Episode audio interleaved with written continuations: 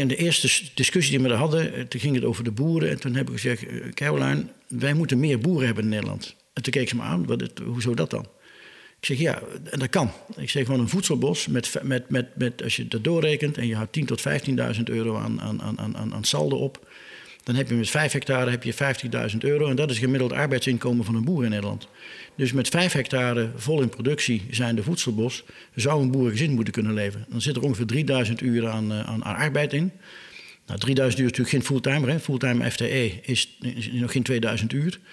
Maar ja, de gemiddelde boer in Nederland die werkt ook 3000 uur. Dus hè, met, met zijn vrouw erbij en zijn kinderen erbij. Dus dat is ongeveer een gezin hè, wat, je, wat je zou kunnen doen. Ja. Dus als wij met 5 hectare, en laten we dan mis hebben, laten we nou 7 hectare moeten zijn om die 50.000 te halen, omdat we dingen niet hebben. Dus als we met 5 tot 7 hectare een, een gezin kunnen onderhouden, de huidige boerenland, die hebben een boerenbedrijf, die heeft toch gauw 30 tot 40 hectare. Dus dat betekent dat wij met voedselbossen, als we met 5 tot 7 hectare een boerengezin kunnen onderhouden, qua, financieel en, weet ik het wat, dat wij gewoon uh, het aantal boeren wat momenteel per dag zeven stuks in Nederland afneemt, kunnen wij weer laten stijgen. Dit is Voedsel uit het Bos met de Voedselboscast.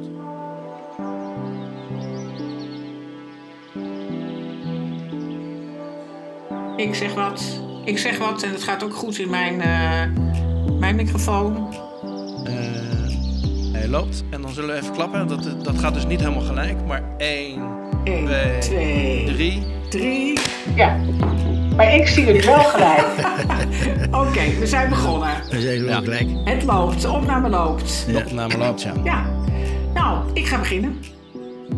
Dit is het tweede seizoen van de Voedselboskast. Het jaar waarin we onderzoeken hoe de voedselbossen een bijdrage kunnen leveren aan de samenleving van de toekomst. Wij zijn Frank Gorter en Marieke Karsen van Voedsel uit het Bos en wij zijn nieuwsgierig naar de pioniers die hiermee bezig zijn. Gaan voedselbossen de samenleving en het landschap veranderen? Wij denken van wel. Hoe gaat dat gebeuren? Dat is het onderzoek van deze podcast. Nou. Nou, uh, ook weer een hele interessante. Wij vinden al onze gasten interessant, maar deze gast is ook weer heel erg interessant. Ja. We hebben Stijn, denk ik, leren kennen in de cursus, in onze jaartraining. Als ik het goed heb, het uh, tweede jaar toen we zijn begonnen. Ja, de laatste keer dat Frans, Jan en Wouter hem helemaal deden als een soort uh, lineaire jaartraining. Ja. Maar toen wist jij al heel veel, toen wist Stijn al heel veel. We hadden echt het gevoel van, nou ja, komt hij nog wel wat leren. Maar gelukkig was dat, was dat wel het geval. En in dat jaar heb ik ehm, het voedselbos van Stijn ook bezocht met een groepje cursisten. Dat was ook erg leuk. Of was dat het jaar daarna, dat weet ik ook niet. Maar, uh, dus ik weet wel wat van hem al, uh, maar ook nog een heleboel niet. Dus ik ben ook heel nieuwsgierig. Ja, en doordat hij zoveel wist, is hij daarna ook toegetreden tot uh, de stichting, Stichting Voedselbosbouw Nederland. Dat is daarna gebeurd nog volgens mij een van de laatste leden die toegetreden is, schat ik zo in. Ja, 2018. Want ik kan me voorstellen dat wij nu alle leden zo'n beetje hebben gehad. Dat jij het allerlaatste lid bent. Maar dat weet ik niet helemaal zeker. Ja, ja dat kan we wel achter. goede volgorde. Ja. Het, is vaker het beste wat laatst bewaard Ja, zo is het. En jij was ook al bezig met uh, de keten. En hoe ga je er een business case van maken en zo. En toen ik er zelf nog uh, in het begin zo in zat, was het voor mij nog uh, iets wat heel ver weg was. Want ik, ik zat nog gewoon in de planten en in, ja, laten we zeggen, de, de sociale structuren van voedselbossen. En ja, ik had natuurlijk wel zoiets van: dit moet uh, een bedrijfsmatige aanpak krijgen. Maar daar, was je al, daar zat je al vol in. Ja, klopt. Dat was mooi om te zien toen. Ja, dus, ja want je hebt een hele bijzondere plek, Stijn. Misschien vertel daar anders even als eerste iets over. Waar woon jij? Ja, ik woon in, eh, in Overloon, uh, in Oost-Oost-Brabant, tegen Limburg aan. En uh, we hebben daar een, een boerderijtje gekocht, een oude boerderij in het bos. Met 1,3 hectare bos erbij. En ja, dat hebben we in 2016 gekocht. Dat zijn we om het vormen naar, hebben wij omgevormd naar een voedselbos. Um, ruim een hectare. Dus dat is echt de bosgrond waar je op zit? Ja, dat is een omvorm van een bos. Dus dat is qua werk nog wat meer, want je moet eerst wat bomen weghalen voordat je andere aan kunt planten. Maar dat begint goed te ontwikkelen. En we hadden geluk dat er al veel um, basiselementen van een voedselbos aanwezig waren. Dus ik heb al volop uh, grote kastanje- en walnootbomen. Er stonden wat fruitbomen in. Uh, omdat oude boerderijen staan er hele oude perenbomen bij. Dus ik, ik, ik had al best een stukje basis uh, van een voedselbos liggen. En dan als je een voedselbos begint vanaf een bosgrond... Je hebt wel even iets meer werk om bomen weg te halen. Maar de grond is eigenlijk wat verder ontwikkeld als een stukje landbouwgrond. Dus, uh, dus, uh, ja. En dat, dat, is een plus. Ja, het is meer ontwikkeld naar de richting een bos. Dus je hebt een voordeel van dat het al schimmels heeft en een bodemleven wat meer past bij een bos. Ja, je hebt al bosgrond. Wist je dat toen je dat begon? we hebben een locatie gekocht om, uh, om daar ook een voedselbos te beginnen. Dus dat wilden we zeker. Maar eigenlijk nog belangrijker wilden ook uh, een zelfvoorzienend huis erin kunnen aanleggen. Dus we hebben het bos gekocht eigenlijk qua locatie om, uh, om passieve zonne-energie goed uit te kunnen nutten. En er moest een voedselbos bij. Um, dat we er deze locatie tegenkwamen waarbij dat je eigenlijk al een half voedselbos in wording had staan. dat, was, dat, was, dat was gewoon een plus, dat wisten we niet, dat was toevallig. maar die hebben we wel maximaal uitgenut, die kans. Ja. Ja. Maar Stijn, dan heb je dus al over, je kocht het in 2016. Je wist toen al dat je een voedselbos wilde hebben. Dus je bent al heel vroeg met voedselbossen in aanraking gekomen. Ja, de, ik ben in 2015 heb ik eerst een voedselbos gehoord. Ik wist, ik wist bijvoorbeeld niet wat het was. Ik was toen uh, voorzitter van een natuurwerkgroep en toen woonde ik nog in Rukve in West-Brabant. En op een bestuursavond kwam een van de medebestuursleden uh, uh, en zei: Stijn, ik heb hier iets, dat is echt iets voor jou. En, uh, en dat was een volletje over basiscursus voedselbossen. En ik zei, joh, wat is dat? Ik had er nooit van gehoord. En, uh, en uh, daar hebben we het er even over gehad. En toen dacht ik, ja, dat zou best iets kunnen zijn. Nou, lang van kort te maken, de volgende morgen vroeg heb ik ingeschreven voor die cursus. Dat was bij Max de Korte in Rotterdam. en dat was toen de tweede keer dat die gegeven werd. En ja, toen ik die cursus gevolgd heb, ik vond het zo interessant. Maar voor mij was het ook zo, weet je, het was zo interessant dat er voor mij ook een factor bij zat van... het is te mooi om waar te zijn. Wat was dat? Kan je me dat uh, uitleggen? Hm? Die factor, hoe, hoe ervaarde je dat? Ja, weet je, als je, als je kijkt wat het doet... dat je dus een systeem hebt wat, wat biodiversiteitswaarde ondersteunt... wat stikstof vastlegt... en waar je alle lekkere uh, groenten en fruit uithaalt... Um, uh, en waar je ook eens een keer weinig werk aan hebt... Want ik heb vroeger een aantal jaren een eigen biologisch dynamische moestuin gehad. Nou ja, biologisch dynamische moestuin is hartstikke leuk, maar het is een enorm bewild werk elk jaar. En ik ben nou eenmaal een beetje lui aangelegd. En dan kom je een systeem tegen waarin dat je ook groente en fruit kunt produceren in een systeem wat vele malen minder arbeid nodig heeft. En wat ook nog eens een keer goed is voor de biodiversiteit en ook nog eens een keer goed voor de, voor, voor de, voor de koolstofopslag. Uh, dat ik bij mezelf, ja weet je, dat is te mooi om waar te zijn. En, maar ik was wel zo getriggerd dat ik dacht van nou, dan ga ik op zoek naar het addertje onder het gras om het te snappen. En toen heb ik me direct naar de cursus ingeschreven voor de masterclass bij, bij Wouter van Eck. En um, die heb ik hetzelfde jaar ook nog gevolgd. En toen ja, was ik nog meer geïnteresseerd. En ik vond het addertje niet, maar ik kwam er nog achter dat het ook nog stikstof vastlegde en dat het ook nog waterretentie had. Um, en toen denk ik, nou, ik moet, ik moet er meer van weten. En toen kwamen jullie met de cursus Voedsel uit het Bos. Ik denk, ja, weet je, dan ga ik daar ook maar eens naartoe. Uh, want ik heb uiteindelijk een bossituatie. En niet vanuit de landbouwkant. Dus dan, dus, dus, maar ik wilde gewoon alles weten. ja. ja. die cursus was heel interessant. Want toen werd ik nog, nog meer geïntegreerd. En ook het hele verhaal van Frank over zijn bos waar hij mee bezig was. Van, van Welda en zo. Ik denk, ja, maar dat, dat kan ik ook. Uh, maar toen werd ik nog enthousiaster. Uh, en toen heb ik ook gezegd, nou wil ik er ook, ook, ook, ook in door. Ik had toen wel zo dat ik dacht, ja, weet je, ik heb nou drie cursussen gevolgd. Uh, veel meer zwaar waren toen niet. Hè. Jullie waren ook pioniers op dat gebied. En ik denk, ja, ik heb drie cursussen gevolgd, maar in Rotterdam bij Max was Wouter ook mededocent. Uh, de masterclass bij Wouter was Wouter. Uh, bij Voedsel Bos was Wouter ook de docent. Ik denk, ja, ik heb drie keer dezelfde docent gehad. Dus mogelijkerwijs is het niet raar dat ik het altijd niet vind, want ik heb elke keer dezelfde man mij het verhaal verteld. en toen heb ik ingeschreven bij de voedselboscursus van, van Martin Crawford in Engeland. Toen ben ik in Engeland geweest. En ja, toen kwam ik nog enthousiaster terug. En elke keer als ik weer een cursus deed, dan, dan, dan was ik eigenlijk nog enthousiaster. En dat addertje vond ik maar niet. Totdat ik op een gegeven moment na die cursus bij, bij Martin Crawford dacht... nou, als, als het op alle onderdelen van stikstof, fijnstof, CO2-opslag... biodiversiteit, waterretentie... Uh, uh, als dat allemaal heel erg positief is... dan zal het verdienmodel wel van gemeente kloppen. Dan zal dat het addertje wel zijn. En, en toen ben ik me gaan verdiepen in, in, in, in, in het verdienmodel. Dat is ook natuurlijk een beetje vanuit mijn beroep, mijn, mijn vak. Um, ja, wat, wat, wat is jouw vak? Ik ben interim manager. Ik doe, uh, ik doe bedrijven die slecht gaan weer gezond maken. Dus ik zeg maar bedrijven dokter spelen. Oké. Dus, ik, eh, ik zit dus jouw achtergrond is bedrijfskunde, neem ik dan aan? Ja, mijn, mijn achtergrond is heel breed. Uh, qua opleiding ben ik, uh, ik ben een, een HTS'er werktuigbouwkunde, HTS bedrijfskunde, HTS marketing. Of sorry, geen HTS marketing, een MBA marketing en een MBA supply chain management. Dus ik heb vier opleidingen achter de rug. Dus cursussen doen, dat zit er gewoon wel een beetje in jou. ik, ben, ik ben absoluut van de, de al onbekende 3L, hè, lifelong learning. ik vind het super gaaf. Hoe meer nieuwe dingen, hoe beter. Ja. En als het samenkomt, dan komt het dus in een soort van organisatiekunde bij jou? Nou ja, kijk, als je, als je praat over, over een, een bedrijf weer gezond maken... dan praat je, en praat je over zwaar verandermanagement. Hè, en in dat verandermanagement zien dat, dat, dat, dat de geldstroom op kan komen. En, en, en als je nou praat over uh, de, de, de, voedselbossen, dan praat je eigenlijk over een landbouw en natuur bij elkaar brengen. Wat de, natuurlijk de afgelopen eeuwen helemaal uit elkaar gespeeld is. Uh, en daar een verdienmodel mee maken. En, hoe, dat, en, en hoe, dat, hoe, dat, hoe dat verdienen zit en hoe je dat moet positioneren, wat je erin moet doen. Dat is wel, dat is natuurlijk mijn vak. Ik doe, als ik op een bedrijf kom, niet anders dan een, uh, dan bedrijf beetpakken. Dan is er een probleem omdat er geen geld meer is. En dan moet ik daar dat bedrijf gezond maken. Dat heeft ook alles te maken met het wegzetten van de strategie. En het goed bekijken waar kan ik wel en waar kan ik niet de, de eurostromen vandaan halen. Ja. Dus ook daar zoek jij altijd naar die addertjes. Naar waar komt het van, waar lekt de energie, waar zit het mis? Ja, het dus is een soort gewoonte ook. Een stukje strategie en een stukje verdienmodellen, daar ben je al mee bezig. Want je wilt een bedrijf structureel gezond krijgen. Ja. En dan moet je op zoek gaan naar welke componenten zitten daar nou in en hoe moet ik dat nou neerzetten.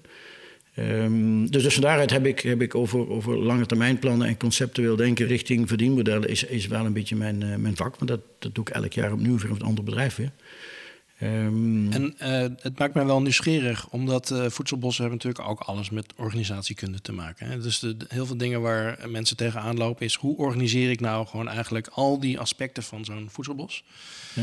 ja, als je een voedselbos met een bedrijf vergelijkt, is het dan heel anders? Uh, sommige dingen zijn, zijn met een bedrijf hetzelfde. Je moet ook een lange termijnplan maken, kijken waar de afzet toebrengt, kijken waar dat je geld mee kunt verdienen. Dus welke soort zet ik wel of niet in het bos. Hè. Um, dus wat dat betreft is het natuurlijk het, het, hetzelfde. Wat het wel wat anders maakt, is dat um, als je eenmaal de keuzes gemaakt hebt en het bos begint te ontwikkelen, um, dan heb je niet zoveel flexibiliteit meer om te sturen. Want als die walnootboom er staat. En dat duurt een jaar of tien voordat die noten begint te geven. En nog een jaar of tien voordat die echt vol in productie is. Ja, dan geef je twintig jaar de tijd. Uh, je, niet, je kunt niet bijsturen. Dus je moet wel in het ontwerp meteen de zaken goed wegzetten. Je moet de juiste dingen doen. Ja, omdat je er langer gebonden bent. Dat is wel interessant. Ja, dat is wel goed om dat een keer te zeggen. Ja. Dat je de, uh, nou je kan wel bijsturen als je niet gewoon gelijk alles aanplant en het ook wat rustiger aanpakt. Ja, uh, ja, ja, ja maar dan nog. maar... Dat lef om het wat rustiger aan te pakken, dat is. Uh, ik, ik ga nu zelf een voedselbos bouwen en ik merk ook dat ik daar heel erg tegenaan loop, als het ware. Van wat wordt mijn tempo? Nou ja, ik weet dat ik, dat ik in mijn allereerste cursus werd er al geroepen door Max en Wouter: neem tijd om je locatie te leren kennen en te zien wat er gebeurt en dingen. En ik heb net zoveel geduld als de meeste mensen. Dus dat geduld had ik allemaal niet. Uh, dus ik ben ook maar gewoon begonnen. Maar wel op een klein stuk. Uh, ja. En uh, ik heb proefondervindelijk vastgesteld dat dat eerste advies van, van, van Wouter en Max nog steeds heel geldig is. weet je, je moet ook het geduld hebben. En dan had ik nog geluk dat ik wat minder geduld nodig had omdat ik al een uitgangssituatie had waarin de bodem al bosgrond was en al een stuk mycorrhizaontwikkeling had. Ik had volle paddenstoelen al in het systeem zitten. Uh, ik had heel veel dood hout wat al continu viel en verteerd werd. Hè. Dus ik had eigenlijk het systeem qua, qua, qua, qua bosontwikkeling een stuk staan. Maar als je zeker op landbouwgrond begint, ik, ik zie het steeds vaker dat mensen gewoon geen geduld hebben, snel beginnen. Er moet allemaal gelijk de grond in. Terwijl, weet je, de bodem moet er klaar voor zijn. En als je van landbouwgrond begint die net bewerkt is en wat nog akker is, uh, dan, zit er, dan zit er bijna helemaal geen leven in. Dan moet je het, dan moet je ook het geduld hebben om de natuur, dat systeem te laten ontwikkelen. En daar kun, je wel, daar kun je wel wat ondersteuning aan geven. Maar je moet dat geduld, moet je, moet je, moet je, ja, mijn advies is gewoon, uh, doe dat. En als je geduld niet hebt, helemaal niet erg. Maar zoek dan een hoekje uit waar je vast begint en begint daar aan te klooien en uh, zorg dat je daar alle fouten maakt. Ja, dat, dat, en, en, dat is ook interessant, want enerzijds is er een enorme urgentie. we moeten in deze planeet ons anders gaan gedragen op deze planeet, laten we het zo, zo neerzetten. En anderzijds propageren wij met z'n allen een methode die ja, heel rustig is. Die eigenlijk gewoon eh, iets neerzet wat zoals de natuur het werkt. De natuur doet het ook rustig. En dat vind ik zelf altijd een heel interessant uh, spanningsveld. Zeker omdat je ook, net als bij een bedrijf in problemen, een situatie moet keren die niet deugt. Dat is wat, wat denk ik ook wel de parallel is tussen een voedselbos en een bedrijf. Ja, dat, dat is hartstikke waar. Ik bedoel, je, je een situatie die niet in orde is en die moet, je, die, moet je, die moet je gaan veranderen. Het is natuurlijk wel zo dat bij een bedrijf waar geld uitgaat, um, daar, daar kan het, als je niet snel genoeg bent met veranderingen, dan kan het ook eindoefening zijn. Ja. Uh, en op het moment dat je een stukje grond hebt en, en, en je hebt geen zware, geen zware lening bij een bank, ja. dan heb je ook even de rustige tijd om dat soort dingen wel, uh, wel te doen. Want als je niks doet, doe je het eigenlijk hartstikke goed al. dat is het gekke. Maar, maar kijk, weet je, dat in is wezen, wat ik ook voel. In wezen, in wezen als ik vanuit mijn werk op een bedrijf terechtkom... dan is mijn eerste fase snel mogelijk de kaststromen... Uh, de negatieve kaststromen ombuigen naar, naar, naar een plus. En op het moment dat ik dat bereikt heb, zeg maar het break-even punt bereikt heb... dan dan heb ik op dat moment ook, is ook alle rust om alle tijd je dode gemak de strategie neer te zetten en de organisatie te ontwikkelen en dat soort dingen. Want dan hoeft er niet continu geld bij. En bij een, bij een voedselbos is, dat, is, is die rust, je hebt in het begin iets meer rust, omdat die, die normaal gesproken die financiële druk er niet op ligt uh, uh, van, van negatieve kaststromen. Um, uh, en en dan is het daarna eigenlijk wel weer een organisatie, want in een organisatie moet je ook rustig aan de mensen laten ontwikkelen en de stappen laten maken. Daar kan niet iedereen altijd meteen vol mee. Uh, alleen het traject van een, van een, van een ecologisch systeem als een voedselbos is natuurlijk uh, langzamer, ontwikkelt zich langzamer dan een, uh, da, da, dan een organisatie. Ja. Dat, is, dat, is, dat is natuurlijk wel het geval. Kijk, een bos is toch, als wij er naar kijken, vinden wij een bos van 100 jaar al heel erg oud. Maar in een, in een bosomgeving is 100 jaar natuurlijk nog heel erg jong. Dat is nog een, een, een beginnend bos eigenlijk. Um, ja. en, en wij leven zelf maar 75 tot 80 tot misschien 85 jaar. Dus wij, wij zitten in, in, in, in een ecologisch bossysteem zitten wij natuurlijk alleen maar in de babyfase van ja. ons leven. Nou, ik ben ook wel nieuwsgierig, want uh, ja, als we het nou eens omdraaien inderdaad. Uh, je hebt voedselbossen als bedrijfsmodel. Wat kun jij in jouw organisatie kunnen leren van voedselbossen? Nou, ik denk dat dat, dat wat, uh, wat, wat, wat, wat wat wij in organisatie kunnen leren van voedselbossen is. Um, een voedselbos is eigenlijk een, een systeem wat op natuurlijke wijze heel veel verschillende componenten elementen laat samenwerken. Ja, en dat uh, is met een bedrijf ook. En, en, bij een bedrijf moet je eigenlijk heel veel verschillende componenten laten samenwerken. Ja. Uh, uh, dus daar zie ik, daar zie ik de, de, de overeenkomst in. En, en dat vraagt... Dus bij een slechtlopend bedrijf is dat vaak niet in orde? Nou, kijk, een slechtlopend bedrijf heeft natuurlijk altijd uh, een situatie dat een aantal dingen niet goed gaan. En, en, en daar is. Het, weet je, bij een slechtlopend bedrijf. Je hebt twee fases. Je moet vrij snel met een paar grote klappen zien dat die negatieve kaststroom weg is. Um, en zo gauw dat achter de rug is, dan moet jij dat bedrijf structureel gezond maken. Dan moet er gewoon weer structureel verdiend kunnen worden om te kunnen blijven investeren in de toekomst. In de mensen, in machines, in, in, in middelen. Um, en en in, in dat gebeuren, in, op het moment dat je zover bent in de organisatie, dan is het verandermanagement is eigenlijk een, een, een, een, een, eh, een optelsom van heel veel kleine acties, heel veel kleine dingen die allemaal in, met elkaar samenwerken. En, ja. en dat, dat, is een voedselbos natuurlijk ook. Dus het is eigenlijk het natuurlijk systeem, als je daar naar kijkt, is ontzettend knap ontwikkeld. Hoe dat de natuur zorgt dat alles, alles met elkaar samenhangt. Kijk, in een voedselbos is, is het ecologisch plaagbeheer van heel erg belang. Het ecologisch plaagbeheer dat krijg je alleen maar voor elkaar met een hoge diversiteit. En met een goede samenwerking, goede ontwikkeling van de microschimmels in de bodem. En dat is natuurlijk in een, in, een, in een organisatie niet anders. Je hebt juist heel veel verschillende soorten mensen nodig. Die met elkaar ervoor kunnen zorgen dat de optelsom van die mensen meer wordt dan, dan de individuele eh, eh, delen ervan. Ja. En, en, en, wat dat betreft denk ik dat die, uh, die overeenstemming, of die overeenkomst met een voedselbos wel, uh, die zou je wel kunnen en, maken. Um, dan gaat het ook over uitwisseling tussen al die componenten. Want een gezond systeem bestaat bij gratie van dat al die componenten met elkaar in open verbinding staan. Ja. dat er een uitwisseling is van grondstoffen, van informatie, van energie. En dat dat om op elkaar afgestemd is. En een voedselbos of een bos doet het eigenlijk allemaal zonder geld, zou ik maar zeggen. Dus de ja. menselijke component is, zit daar, zit daar een geldcomponent in als ik jou hoor praten over die organisatie, dan gaat het heel snel over geld. Dus wat is eigenlijk de, de bottom line van een organisatie? Is dat geld of is dat die afstemming? Ja, de bottom line van de organisatie heeft natuurlijk alles te maken wat de doelstelling van de organisatie is. Ja. Uh, uh, uh, dus, dus, dus dat is een beetje afhankelijk van je doet. Dat geldt ook voor voedselbos. Wat is je doelstelling van je voedselbos? wil je daar natuur mee versterken of wil je daar, of wil je daar een boterham uit halen? Of wil je daar zelfvoorzienend uit halen? Hè? Dat, dat zijn nog heel verschillende, heel verschillende stukken. Dus ik denk dat dat. Kijk, wat, wat een natuurlijk bos, of een bossysteem wat goed ontwikkeld is, uitstekend doet, is die, is die, in, is die, is die onderlinge communicatie. Ja. Hè? Als er ergens een, een, een, een plaag dreigt te komen, dan via de microschimmers gaan ze op zoek naar de stofjes die ze nodig hebben om, om, om die beestjes weg te houden. Dat is eigenlijk allemaal communicatie staan kijken. Het is gewoon een heel groot communicatienetwerk wat er in de bodem ontwikkeld wordt. En een organisatie goed laten functioneren is eigenlijk ook zorgen voor veel diversiteit en goede communicatielijnen overal naartoe. Ja. Dat, dat die goed dingen kunnen, kunnen samenwerken. En dat is, dat is vaak de grootste uitdaging. Maar ik wil even terug naar dat, uh, naar dat addertje. Ja. Je, jij, jij ging dus op zoek naar het addertje, zal dan wel het verdienmodel zijn. Ja. Maar op dit moment ben jij Mr. Verdienmodel van de Stichting Voedselbosbouw. Mr. Verdienmodel Voedselbosbouw. Ja, nee, nee, nou, hier komt eigenlijk ook mijn drive uit naar voren... waarom ik nog actiever in de voedselbossen ben geworden. Um, toen ik mij ging verdiepen in de verdienmodellen... Uh, van wat, wat, is nou de potentie? Ja, dan weten we het allemaal niet. Hè? We moeten gewoon eerlijk in zijn. We weten het gewoon niet. Want we hebben een nergens een voedselbos wat echt productief is weggezet... en wat al 10 jaar of 15 jaar draait, volle bak. Um, maar je kunt wel op basis van bekende cijfers van verschillende uh, soorten in een voedselbos... In, in, een, in een agroforestieomgeving zijn wel data bekend. En die kun je in een model bouwen en uitrekenen... wat heb ik nou per boom of per struik, wat brengt dat op?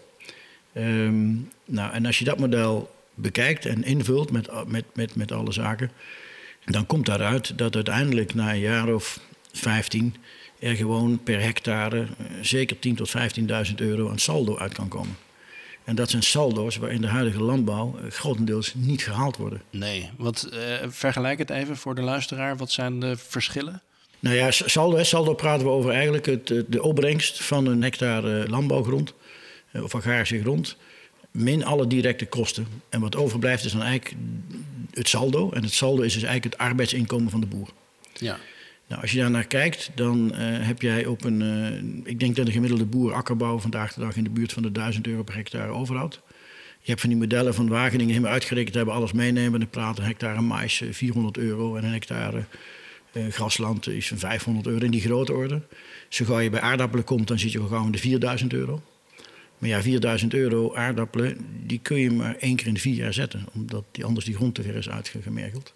Dus dan zit je al, alweer terug op die pakweg uh, ja, net boven de 1000 euro. Ja. Maar daar heb je de oogst zit daar al bij in. Ja. En dat is nog steeds een model. Hè. We hebben het nog nergens echt daadwerkelijk gezien. Nee.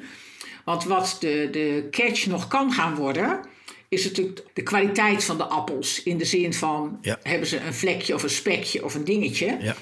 Uh, ik denk dat we ons met z'n allen, zeg ik even heel eerlijk, erop moeten gaan voorbereiden. Of de marketing naar het publiek alvast moet gaan doen. Dat die appels die er vanaf komen super lekker zijn.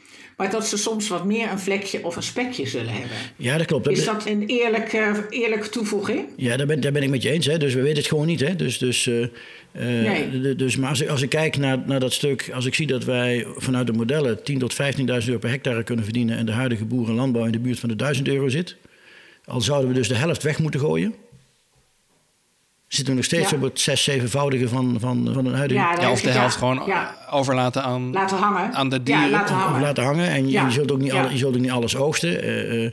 maar er zit, Nee. daar zit een andere component bij die wij ook nog weten. Ik, ik ben het met je eens. Hè, dus ik ben ervan overtuigd dat wij die 10.000 tot 15.000 niet zullen halen. Dat zal wel lager uitkomen op een of andere reden. Ehm, eh, eh, maar we vergeten met elkaar nog wel één ding.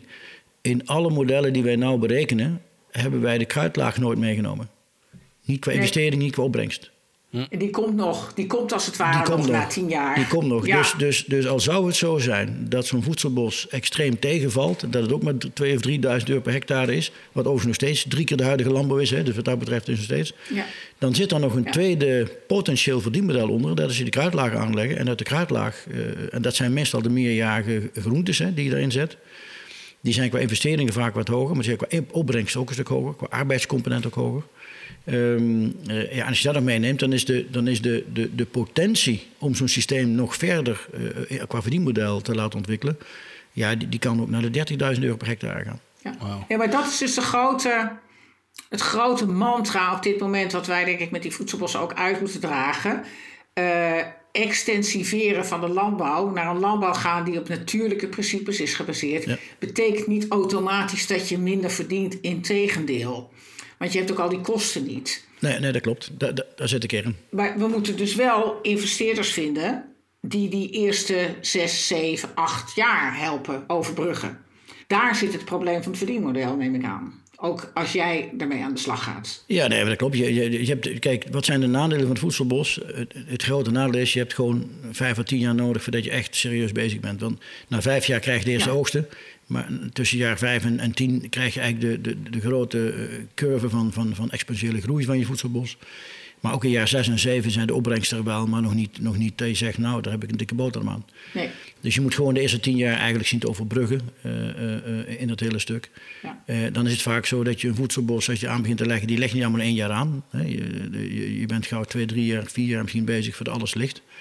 maar dat is ook gemiddeld dan ook twee jaar vertraging. Dus je hebt gewoon acht tot tien jaar nodig voordat je er echt volle bak een boterham uit zou kunnen halen.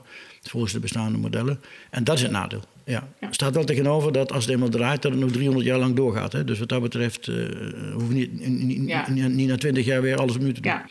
Nou ja, het is, uh, uh, wij weten dit. Hè? Wij weten, hoe krijgen we dit?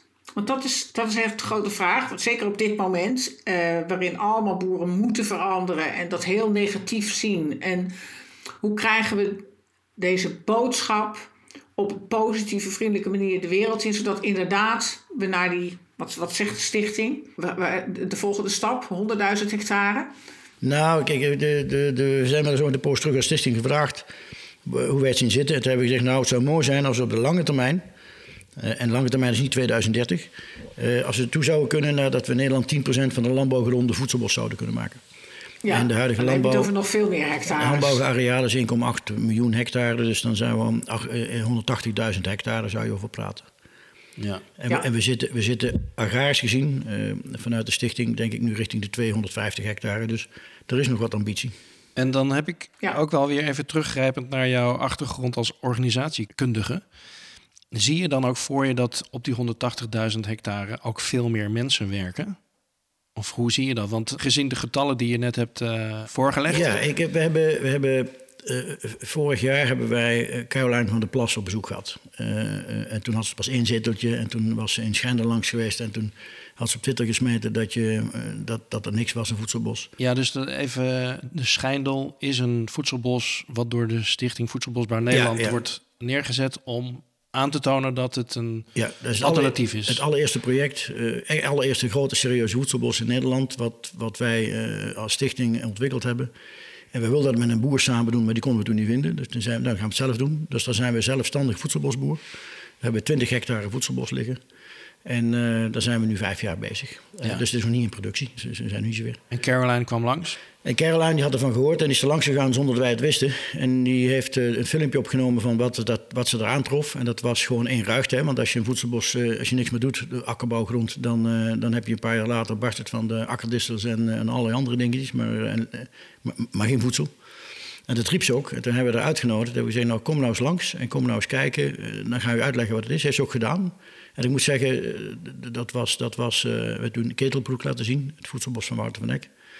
En ze was ook absoluut open en geïnteresseerd. En in de eerste discussie die we hadden, eh, toen ging het over de boeren. En toen heb ik gezegd, eh, Caroline, wij moeten meer boeren hebben in Nederland. En toen keek ze me aan, het, hoezo dat dan?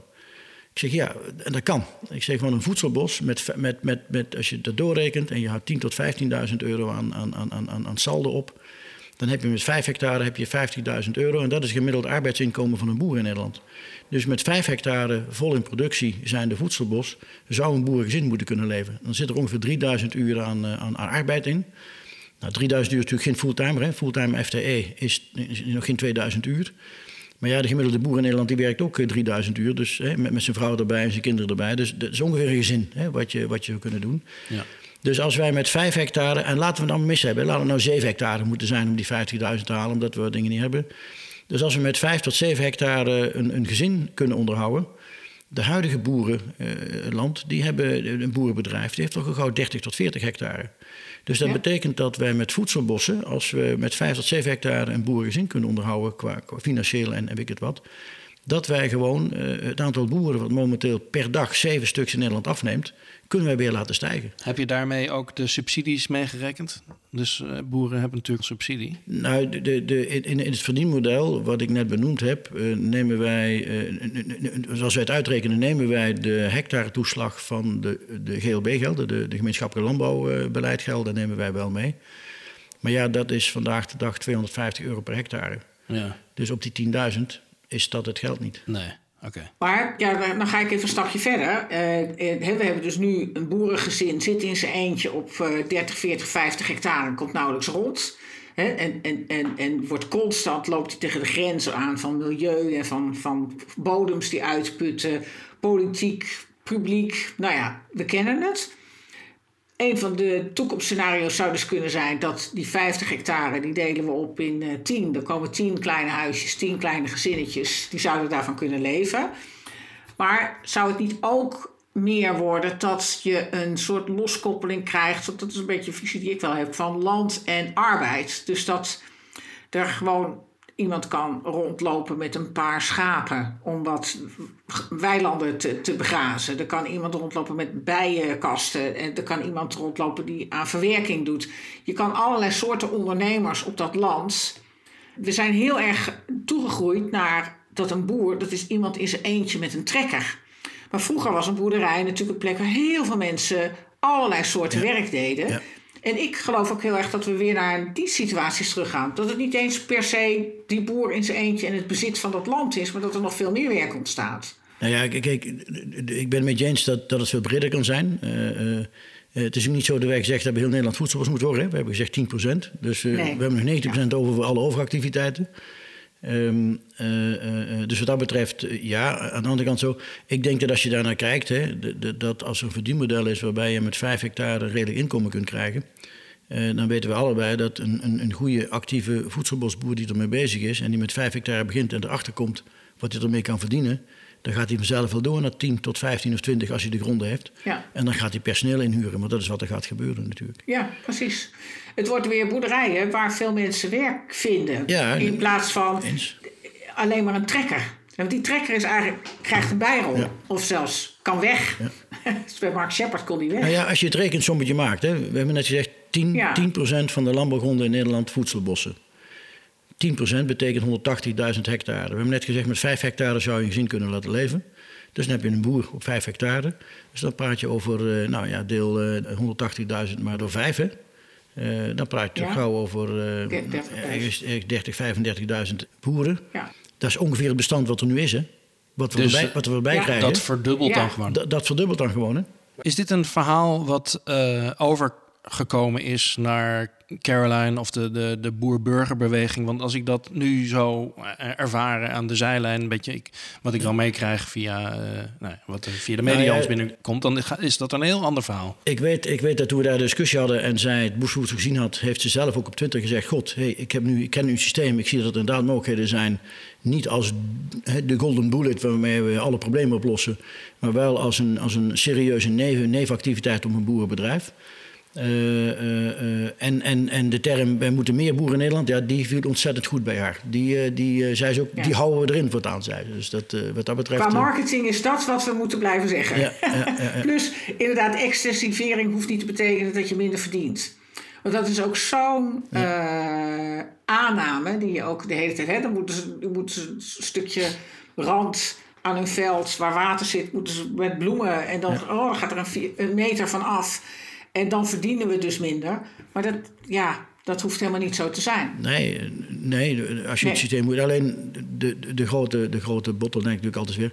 Je hebt wel even tien jaar nodig, die moet overbruggen. Hè? Dus dat, moet, de, dat is nog steeds de uitdaging om dat voor elkaar te krijgen. Ja. Financieel gezien. Ja. Je krijgt nu dus die, uh, in die hele stikstof- en waterdiscussie, want die komt er straks naadloos achteraan. Uh, uh, krijg je dus een, een, een, plaatje voor Nederland waarin je zegt we hebben natuurgebieden en om die natuurgebieden heen komen zones van extensieve landbouw. Zie jij die voedselbossen vooral in die zones? Nou, ik, ik, ik denk dat, dat voedselbossen overal kunnen. Uh, uh, en ik denk dat als je kijkt naar, naar dat stuk, ook een voedselbos kan ook op hele arme grond. Alleen heeft alleen iets meer tijd nodig om te ontwikkelen. Maar uiteindelijk gaat het werken. Dat weten we zelf ook. Hè? Want, want als we terugkijken naar Nederland. Elke vierkante meter die enigszins nog iets kon, kon geven in de landbouw. Die is, die is ontwikkeld. Die is, uh, daar is landbouwgrond van gemaakt. En de gronden waar echt niks mee te beginnen was. Dat heet vandaag de dag natuur. Ja. Daar hebben we bomen weggezet. Zo is het. Zo is het eigenlijk. En, en wat dat betreft, als je daar naar kijkt, eh, is dus al, alle gronden zijn daar te ontwikkelen. Ik, ja, ik ben het met je eens dat, dat, dat zeg maar, ehm, de randen rondom de, de natuurgebieden nu zeer interessante gebieden zijn om voedselbossen neer te leggen. Omdat je daar economische activiteit van de voedselbos kunt combineren met natuur. En tevens een buffer, kunt laten zijn voor, uh, voor, voor die natuurgebieden. Alleen ik denk als wij 100 jaar verder zijn en we hebben het allemaal geregeld. En rondom al die natuurgebieden liggen voedselbossen. Zullen wij gaan ontdekken dat de natuur in die voedselbossen vele malen beter en hoger is dan de natuur in de, in de huidige natuurgebieden. Want de huidige ja. natuurgebieden zijn natuurlijk, zijn natuurlijk grotendeels gewoon monocultuur aangeplante monocultuur bossen voor houtoogst. Ja. En, en qua biodiversiteit zijn ze maar relatief matig. Ja. ja. Wat je nu eigenlijk zegt is, we hebben Natura 2000 en de wet natuurbescherming. En daarmee beschermen we dus een deel van onze natuur. We beschermen een stuk grond eigenlijk wat uh, vanuit het verleden een productiegebied is, maar dan op arme grond. Dus in die zin ook een, ja, misschien hè, bosbouw uh, vergelijkbaar met landbouw. Dus een ex-landbouwkundig systeem is datgene wat we nu natuur noemen. Hm.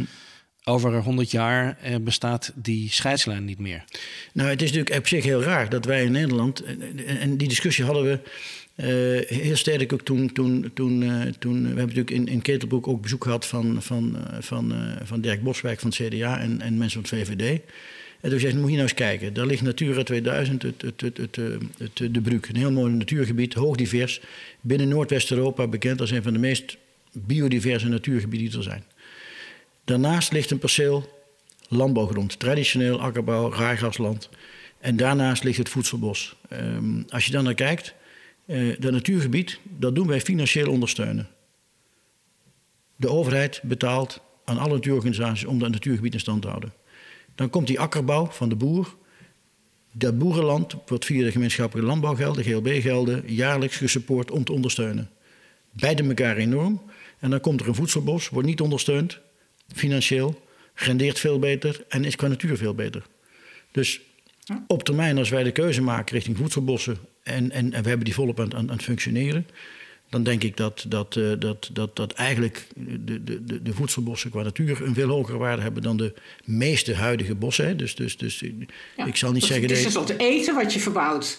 En, en dat is wat mensen ook vaak vergeten. Die dieren willen ook eten. Ja, voedsel. Ja. Kijk, en, en, en daarmee zeg je niet dat je al natuurgebied weg moet halen. Maar we hebben binnen de stichting ook een heel groot voorbeeldproject. waarin we, en dat is toevallig hier in Overloon, een project van 37 hectare monocultuur uh, grove en, en, en, zwarte dennen uh, staan, die we om het vormen zijn naar, naar een voedselbos.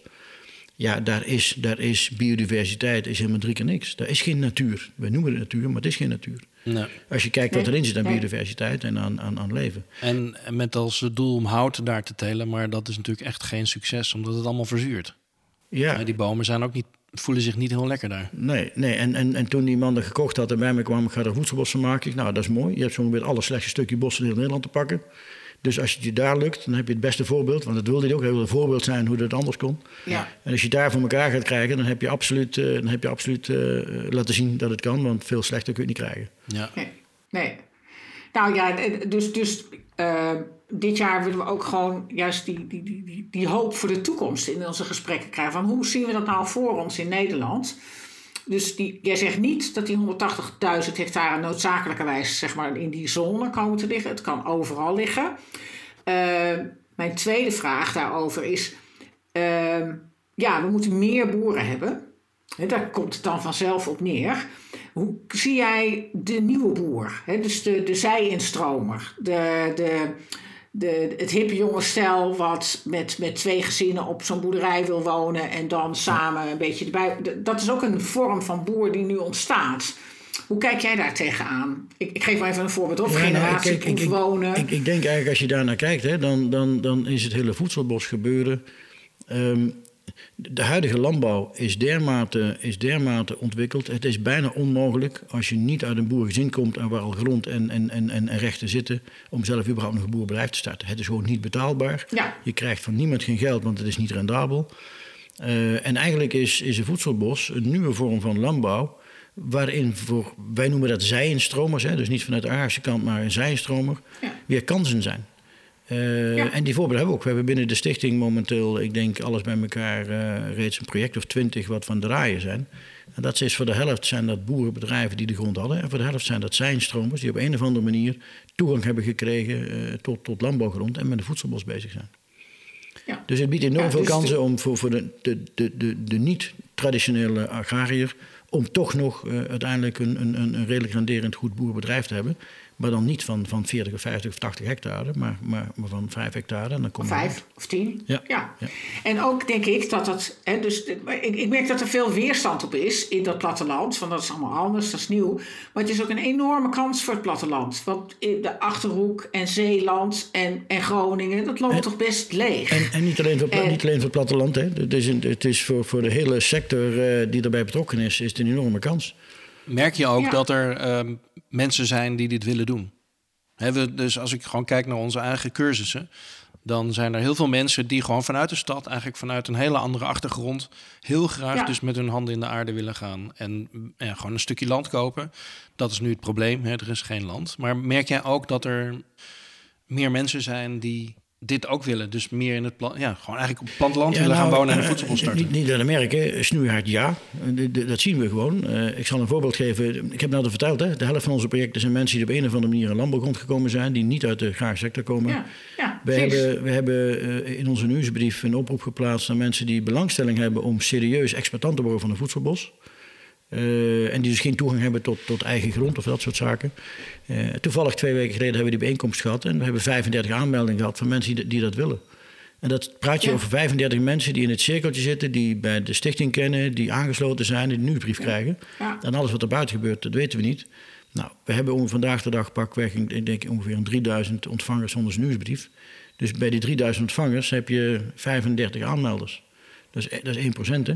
Van, uh, van, van de mensen. Die ja, nee, het, maar je ziet het ook bij Lenteland, Land van Ons, ja, Aardpeer, ja, Grondbeheer. Die kopen ook allemaal grond vrij en zoeken dan boeren die op een nieuwe manier willen boeren. Dus het is een, een, een, uh, een breder onderwerp dan alleen voedselbossen. Dat het platteland bevolkt gaat worden door een nieuw soort boeren, een nieuw soort mensen. En, en uh, nou, dat, dat was even mijn vraag. Van, is dat ook jouw visie, dat dat gaat gebeuren? Dat dat ja, nee, maar je, je, ziet het hard. Kijk, weet je, wat, wat, ik sterk, wat ik sterk tegenkom... en ik vind dat wel heel erg motiverend is... Uh, in de maatschappij zijn vandaag de dag veel mensen die zijn het beu. Er moet wat gebeuren. De huidige landbouw is een doodspoor. De politiek doet niks. De boeren, gemiddeld genomen, buiten een paar uitzonderingen aangelaten... De, die, die, die, die zijn ook lang nog niet mee bezig... En er zijn heel veel mensen die zijn beu dat er niks gebeurt en die beginnen gewoon. En dat is niet alleen voedselbos, die op allerlei andere manieren. Je noemde net aardbeer, je noemde Land van Ons. Land van Ons, toen die begon, die had binnen twaalf maanden 13.000 leden. Die allemaal gewoon geld op tafel hebben gelegd om te zorgen dat landbouw anders, anders, anders moet gebeuren. Dus wat dat betreft uh, zie ik dat. dat en, en, en die beweging is groot. Als ik, als ik terugkijk naar een aantal projecten die we hebben. Er zijn gewoon mensen die zijn bedrijfsmatig succesvol geweest, hebben geld. Het moet anders. En die kopen gewoon een bedrijf en die beginnen een voedselbos. En omdat ze het geld hebben, kunnen ze dat en doen ze dat gewoon. En dat zie je momenteel ontzettend veel. Ja. Dus er zit een, enorme beweging. En wat dat betreft hebben we natuurlijk aan alle kanten ja, als stichting ook de wind in de zeilen. Ja, dus dit, eh, dit is als het ware die beweging van onderop. Ja. Uh, je hebt natuurlijk ook eh, de beweging van bovenaf. Wat hebben we nodig, zou ik maar zeggen, om de politiek zover te krijgen om hier gewoon vol voor te gaan? Ja, kijk, weet je, wij zijn natuurlijk als stichting, vanuit de stichting is transitie in de landbouw ons hoofddoel eigenlijk. En uh, uiteindelijk hebben wij gezegd, ja, op het moment dat wij in staat zijn om een aantal voorbeeldprojecten te laten zien dat het kan, dan volgen er meer. Dan, dan, dan, krijg, je dan, dan krijg je dan de praat. Ja. Dus Wanneer is het zover, denk je? Ja, je, de, de, de, je moet, je moet je, wat ze zei, je hebt tien jaar nodig om te praten te krijgen je bent, en, en, en enigszins serieus te krijgen. 10 tot 15 jaar heb je nodig. Dan heb je een paar jaar nodig om de data te verzamelen en iedereen te overtuigen. Dus je bent gewoon 20 jaar verder vanaf de eerste golf voedselbossen. Nou, ons project van duurzame doorbraak is daarvoor bedoeld. Hè. Uh, daarvan, uh, die hebben we nu vol, de eerste 150 hectare. Dat zijn die 20 projecten. Um, uh, maar die hebben, dus nog, die hebben dus nog 15 jaar nodig voordat, voordat, voordat we die data hebben dat dat, dat het heel interessant is. Ja. En, en zoveel tijd heeft de wereld niet, eigenlijk niet. Nee. Dus eigenlijk moeten we harder gaan. Ja, eigenlijk moet er harder gaan. Dat, dat voel ik dus ook. Ja. Wat, maar, eh, ja. Dus eigenlijk staan we daar nog voor een uitdaging om iets te verzinnen om dat te versnellen. Ja, ja, en we doen al veel. Hè. En er is natuurlijk wel, eh, wel, eh, wel dingen. Maar het is, weet je, een, een echte transitie komt bijna nooit van binnenuit. Je moet van buiten afkomen. En wij zijn een beetje die gekken die dat denken. We gaan er gewoon proberen, we gaan er gewoon doen. En gelukkig zijn er ook andere gekken. Hè? Want je hoort mij niet zeggen dat voedselbos de oplossing van de problemen in de wereld is. Hè? Eh, maar het is wel een systeem wat een van de belangrijke bijdragen kan leveren aan de oplossingen. En er zullen onherroepelijk nog, nog vijf of tien andere hele interessante oplossingen zijn die, die, die interessant zijn. Ehm, nou, ik ga ervan uit dat er weer andere gekken zijn die daar weer aan trekken. En dan zien we over twintig jaar wel eh, welk systeem het verste komt en wat nou echt het beste is. Waar ik wel van overtuigd ben, is dat, dat voedselbossen bij de hoofdelementen komen die eh, oplossingen komen die, die bij gaan dragen aan een Ja. sustainable voedselproductie, goed rendement voor de mensen eh, en, en, ge- en gezond voor het klimaat. Ja. Nou, we zitten alweer richting de 50 minuten. Dus eh, we gaan er ook alweer weer een, eh, een afronding aan eh, van maken. Eh Marieke, heb jij nog een, een mooie vraag? Ja, ja, ik denk dat je best wel hè, in jouw gesprek eh, in algemene zin boeren hoop geeft en zij-instromers hoop geeft. En je vertelde net, nou, hè, af en toe hebben wij dan een oproep voor mensen zonder land. Maar wat zou jij nu, wat is nou jouw advies aan, aan een boer die dit luistert? Die, eh, hoe kan hij meedoen met jullie, eh, met, met, het, met, met het duurzame doorbraakproces of de, de, de, de eh, opvolger daarvan? Dat je even de kans krijgt om dat uit te leggen. Nou ja, kijk, de, de- wij zijn gericht als stichting op de transitie in de landbouw. En dat betekent dat wij ons alleen maar bemoeien met projecten boven de 5 hectare. Oké, dat is Waarom? minimaal. Ja, Ja, ja, ja. En, en in de praktijk is het wel eens zo dat we soms wel eens bij 4,8 ook wel meedoen. Het gaat erover, ga je echt bedrijfsmatig beginnen, moet het jouw toekomstelement worden. En ehm het programma Duurzame Droog, wat we hadden, was heel interessant, maar zit vol. Maar we hebben ondertussen nieuwe programma's. We hebben net eh, eh, eh, onlangs met uh, Wereld Natuurfonds als sponsorpartner voor de komende drie jaar. Daar hebben we ook een aantal projecten die we kunnen gaan doen, dus we hebben daar weer ruimte. We zijn ook nog met andere eh, partijen bezig, dus we gaan, we gaan in de loop van dit jaar nog meer ruimte krijgen dan dat. Dus als er boeren zijn die land hebben en die stap willen maken, eh, ja, neem contact op met de Stichting Voedselbosbouw. En, maar wat eh, heb je en hen dan te bieden, heel concreet? Nou, heel concreet, dan hebben we hun te bieden A, een stuk begeleiding met ontwerp. Want het is niet eenvoudig. Hè? Het is voor een boer een echt een totaal ander nieuw systeem. Een stuk begeleiding en ook een belangrijk stuk financiering van die begeleiding. We hebben een aantal systemen staan waar we, eh, waar we plantgoedaanschaf kunnen mede financieren. Dus financieren bedoel ik subsidies, hè? dus, dus eh, Ja. stroom.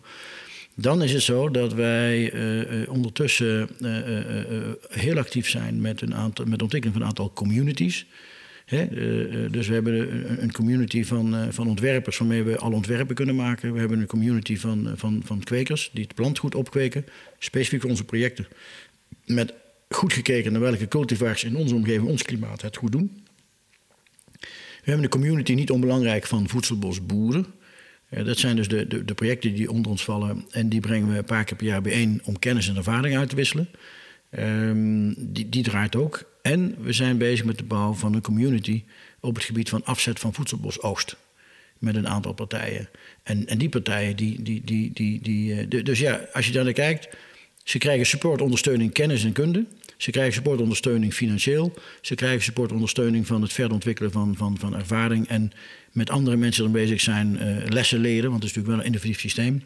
Zodat eh, ja, als een ander de fout maakt, dat jij hem niet meer hoeft te maken. En, Dus dit- dat is eigenlijk ook, en eh, alle, Waar zit het addertje? Komen we weer bij het begin terug. Mhm. nee, dat is hartstikke mooi dus. dus. En dat geldt voor iedere boer, waar die ook zit. Die kan gewoon telefoon pakken, Stichting Voedselbosbouw bellen. Ja, ja, ja, Ja. en dan kunnen wij kijken, kan het er überhaupt? Hè? Want Ja. soms zijn er allerlei eh, wettelijke belemmeringen in het bestemmingsplan die, die in de weg kunnen zitten. Maar ook dan kunnen we helpen om dat ook weer te slechten. Ja, dat is Nou, mooi. Top, ik denk ik wil je even de kans geven om dat mooie aanbod nog even eh, in de, in de lucht te brengen. Dat was mijn laatste vraag. Ik, eh, ja, ik voel heel veel hoop als ik eh, met jou spreek. Het, het duurt nog eventjes, maar wij kunnen als mensen eigenlijk dus eh, ja, invloed uitoefenen op onze eigen toekomst. Dat, dat, dat, dat haal ik hier uit. Ehm, en tegelijkertijd heb ik ook nog een, een persoonlijke vraag aan jou. Wat, ehm, wat zou jij nou niet willen dat er gebeurt? Zijn er dingen waarvan je denkt van nou, dat moet echt niet gebeuren? Ja, dat is één ding. Uh, en dat is dat um, een voedselbossysteem is een systeem wat werkt op basis van ecologische principes van een natuurlijk bos. En die zijn extreem belangrijk. En wat er niet moet gebeuren, en dat is wel stiekem al bezig, uh, dat voedselbossen zijn zo populair dat Jan en Alleman, zo gauw die een paar bomen in elkaar zet waar iets van, van noten of fruit aan komt, een voedselbos noemt. Ja. En dat systeem gaat niet werken. Dus je moet het systeem wel, wel overeind houden en laten doen wat, het, wat, wat doen. Dat, je moet dat ecologisch systeem, wat nodig is, moet je gaan creëren. Ja. Uh, uh, en als je dat niet doet, dan gaat het mis. En, en, en, en ja, er zijn natuurlijk allerlei, er, komen allerlei subsidiestromen nu op gang om voedselbos te, te, realiseren. Maar dat is altijd de vraag, en hoe definieer je nou goed dat het ook gaat werken als een, e-, als een, als een ecosysteem, wat zichzelf helemaal in stand houdt. Ja. Dus dat, daar zou mijn, uh, daar zou mijn, uh, dat zou mijn, ja, mijn vraagteken zijn. Ja, ja helder. Ecolo ja. Ecologische principes voorop. Ja. Ja, en inderdaad dat gevaar van verwatering van het concept. Of van, hè, dat mensen er allerlei andere dingen onder gaan scharen. Dat moeten we met z'n allen blijven bewaken. Dat, uh, dat zeg je goed. Ja. Ja. Ja, ja. En, en ja. één opmerking net bij, bij jouw opmerking, Frank, over het duur nog even voor het systeem werkt. Let wel, hè, als we praten duur nog even, dan praten we eigenlijk over het geld- en het verdienmodel. Ja. Maar op het moment dat jij een voedselbos begint, in jaar één dat je ermee begint te bouwen, zie jij rondom ontwikkeling van CO2-opslag biodiversiteit. Dat uh, begint gelijk, ja, inderdaad. Kortom, dat begint ja, direct. Al die waarden, het, even los van het geld. Na een, jaar, na een jaar zie jij al heel veel, heel veel ontwikkeling op dat gebied. Ja. Ja. Uh, dus, dus, dus van alle, alle waarden die voedselbos heeft, hè, biodiversiteit, koolstofopslag, stikstofinvang, fijnstofinvang, uh, waterretentie, dus de organische stofgehalteverhoging, en verdienvermogen, dat zijn zeg maar de zes hoofdelementen die ik als voordelen benoem. De eerste vijf zijn vanaf dag één uh, vol aan de gang. Ja, ja. dus een, een, mooi pleidooi om ook gewoon morgen te beginnen. Ja, liever twintig jaar geleden. Dan waren, ja. dan waren we nou in het oosten. Ja. Maar dat kan niet meer. Nee. nou, uh, dankjewel nou. Stijn voor een heerlijk gesprek. Ja, dankjewel voor het gesprek. Okay. En, uh, ondanks de regen zit ik nu volop in de zon. Dus dat, dat is fijn. Okay. Dankjewel Stijn. Hey, heel bedankt. Okay. Dat was leuk. Dag. Ja.